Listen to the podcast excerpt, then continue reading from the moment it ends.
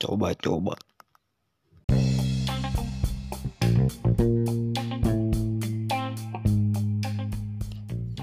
Tahun lalu, Maret 2020 tepatnya, ada virus masuk ke Indonesia. Nama virusnya adalah COVID-19. Awalnya, masyarakat menganggap enteng virus ini sampai akhirnya virus ini menewaskan ribuan orang. Awalnya saya juga menganggap enteng virus ini, tapi tiba-tiba virus ini sampai di kota saya. Dan kota saya berada di zona merah langsung. Saya harus berdiam di rumah, tidak boleh keluar rumah. Selama kurang lebih hampir setahun.